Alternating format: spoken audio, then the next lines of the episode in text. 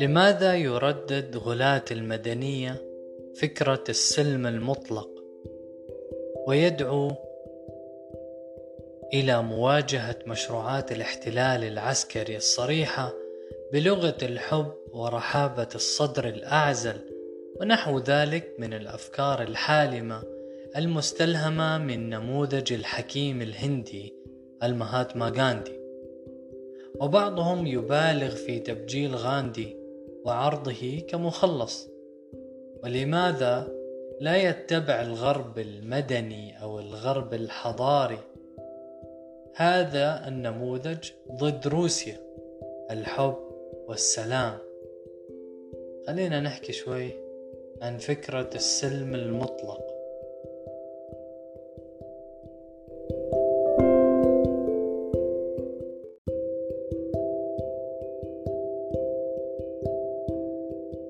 إن شريعة الله سبحانه وتعالى أرقى وأحكم من شريعة غاندي. وهذا الموضع موضع خطير على الإيمان لتضمنه المعارضة العملية لمحكمات الوحي. فإن الله شرع البر للمسالم والإثخان للمعتدي. قد أمرنا الله بذلك كما في قوله فإذا لقيتم الذين كفروا فضرب فضرب الرقاب حتى إذا أثخنتموهم فشدوا الوثاق. وفي موضعين من كتاب الله عز وجل في سورتي التوبة والتحريم أمرنا أيضا بالغلظة على المعتدين. فقال يا أيها النبي جاهد الكفار والمنافقين واغلظ عليهم. وأمر بالتشريد للمعتدين. فقال فإما تثقفنهم في الحرب فشرد بهم من خلفهم. بل إن الله سبحانه وتعالى نهانا إذا نشبت المعركة مع المعتدي أن نبدأ الدعوة للسلام وإنهاء الحرب. إذا كنا في الطرف الأقوى أو كنا نحن الطرف الأقوى فقال فلا تهنوا وتدعوا إلى السلم وأنتم الأعلون. وهذا توجيه إلهي صريح. لا تستطيع كل تعسفات النظرية السلمية أن تفرغه من محتوى. هذا هو دينك. إما أن تأخذه وإما أن تترك. فإذا كان جبار السماوات والأرض كما في الآيات السابقة يحثنا على مواجهة المحتل والمعتدي بالإثخان والغلظة وعدم البدء بالدعوة للسلام ويحببنا في هذه الأعمال الشريفة ويثيبنا عليها.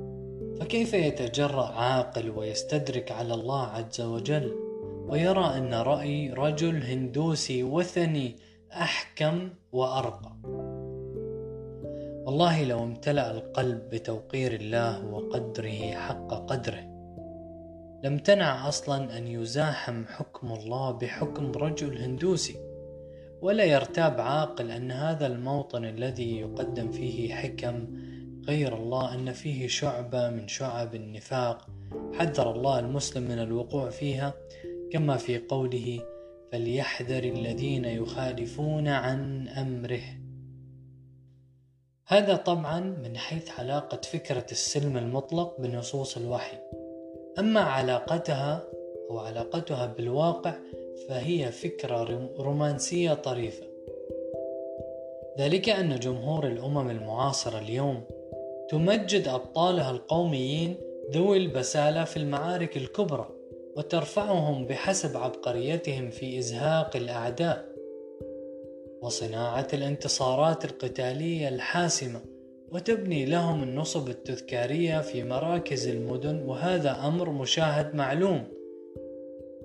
بل من الطريف حقا أن صورة غاندي السلمية التي تروج في خطاب اللا عنف اليوم ويشغب بها على آيات الجهاد مثلا في كتاب الله أنها أصلا صورة غير دقيقة علميا بل هي صورة منقوصة فغاندي نفسه تزلزل في التمسك بفكرة السلمية المطلقة فكل شعاراته عن اللاعنف تبخرت لما شنت بريطانيا الاستعمارية الحرب على البويريين عام 1800 1999 ميلادي لإخضاعهم لاستعمارها خشي غاندي حينها أنه إذا رفض المشاركة مع البريطانيين في حرب ضد في حرب ضد البويريين أن تتضرر قضيته في الهند فدخل في العنف لأجل المصلحة القومية بل عبأ الهنود أيضا لدعم العنف البريطاني ضد البويريين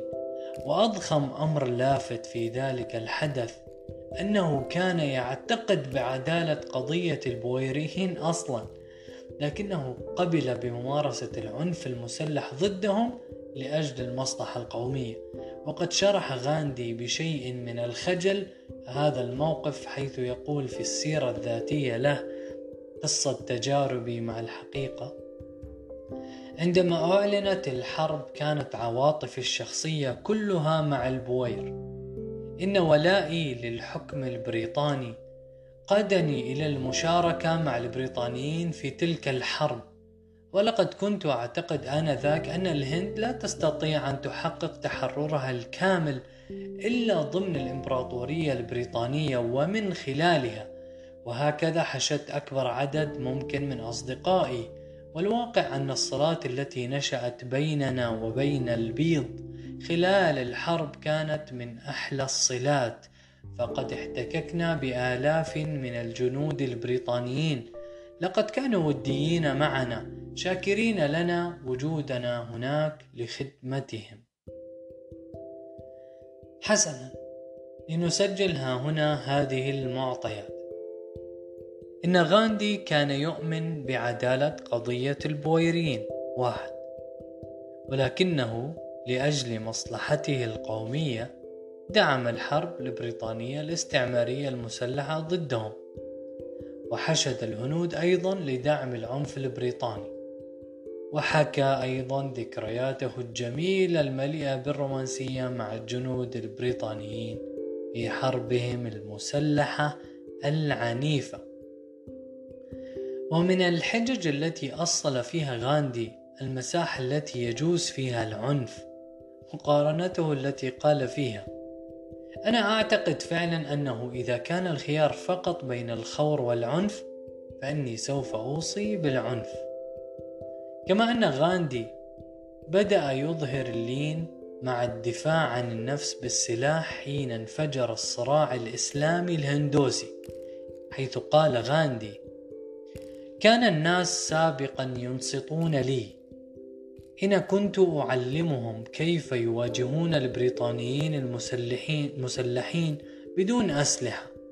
ولكن هذه الأيام بلغني أن فكرتي عن اللا عنف يمكن أن تكون غير مجدية في مواجهة هذا الجنون الاجتماعي. ولذلك فإن الناس يجب أن يسلحوا أنفسهم للدفاع عن النفس.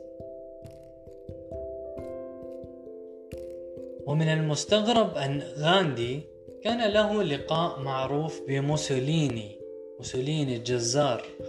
ومراسلات وأبدى إعجابه به وكل هذه المواقف ونظائرها حول محبي غاندي. لاحقا تم تأويلها لتفريغها من دلالتها على تأييد أي شكل من أشكال العنف وهي شواهد يستعملها نقاد غاندي لرفضه أو لرفض أيقنته كنموذج للسلمية المطلقة. وبسبب كون الدولة الغربية دولة لا تفهم السلمية المطلقة أصلا بل هي دولة منغمسة في العنف حتى القاع وتتنافس الدول الغربية في امتلاك السلاح الأفتك والأكثر إبادة بجيوشها الجرارة سواء في الحروب العالمية بين الغربيين أنفسهم أو في حروب الاستعمار بين الغربيين والشرق المسلم.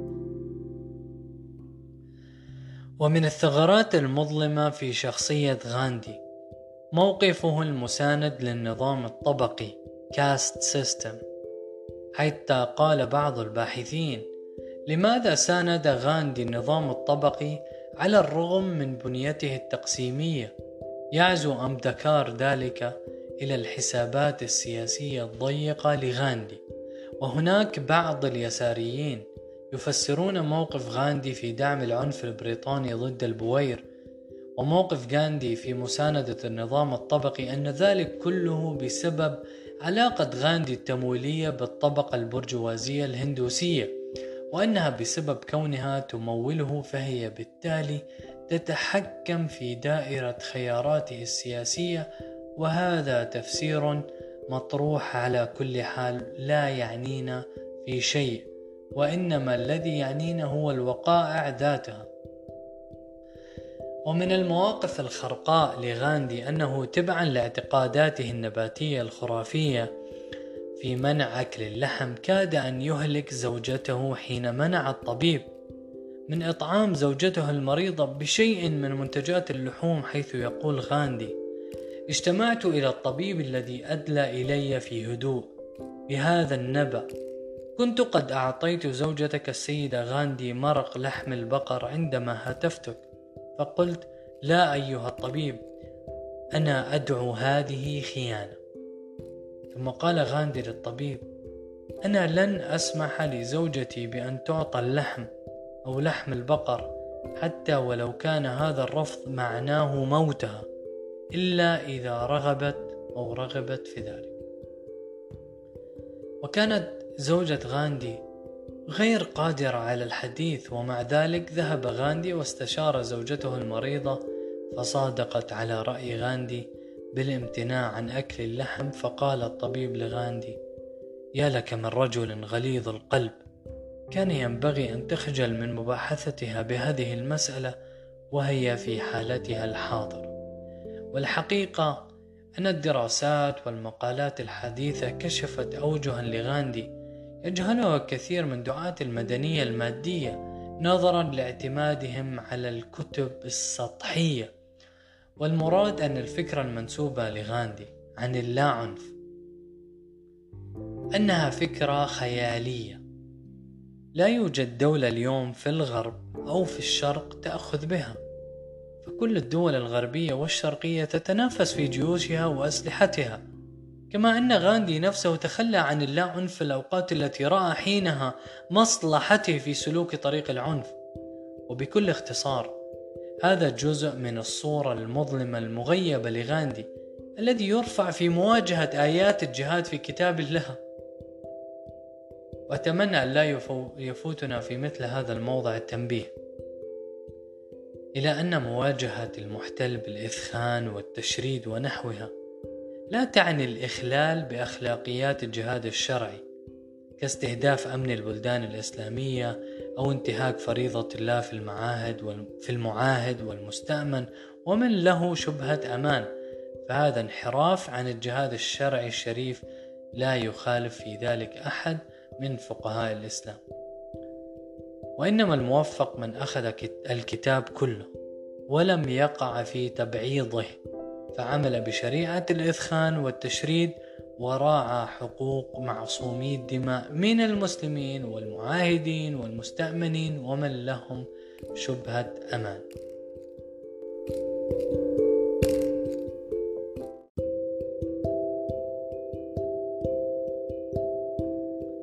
إن العمليات المنحرفة التي استهدفت أمن البلدان الإسلامية واستهانت بضوابط الشريعة في عصمة الدماء دماء البريئة تسببت في تشويه مصطلح الجهاد الملتزم بأخلاقيات الجهاد الشرعي وقيمة السامية.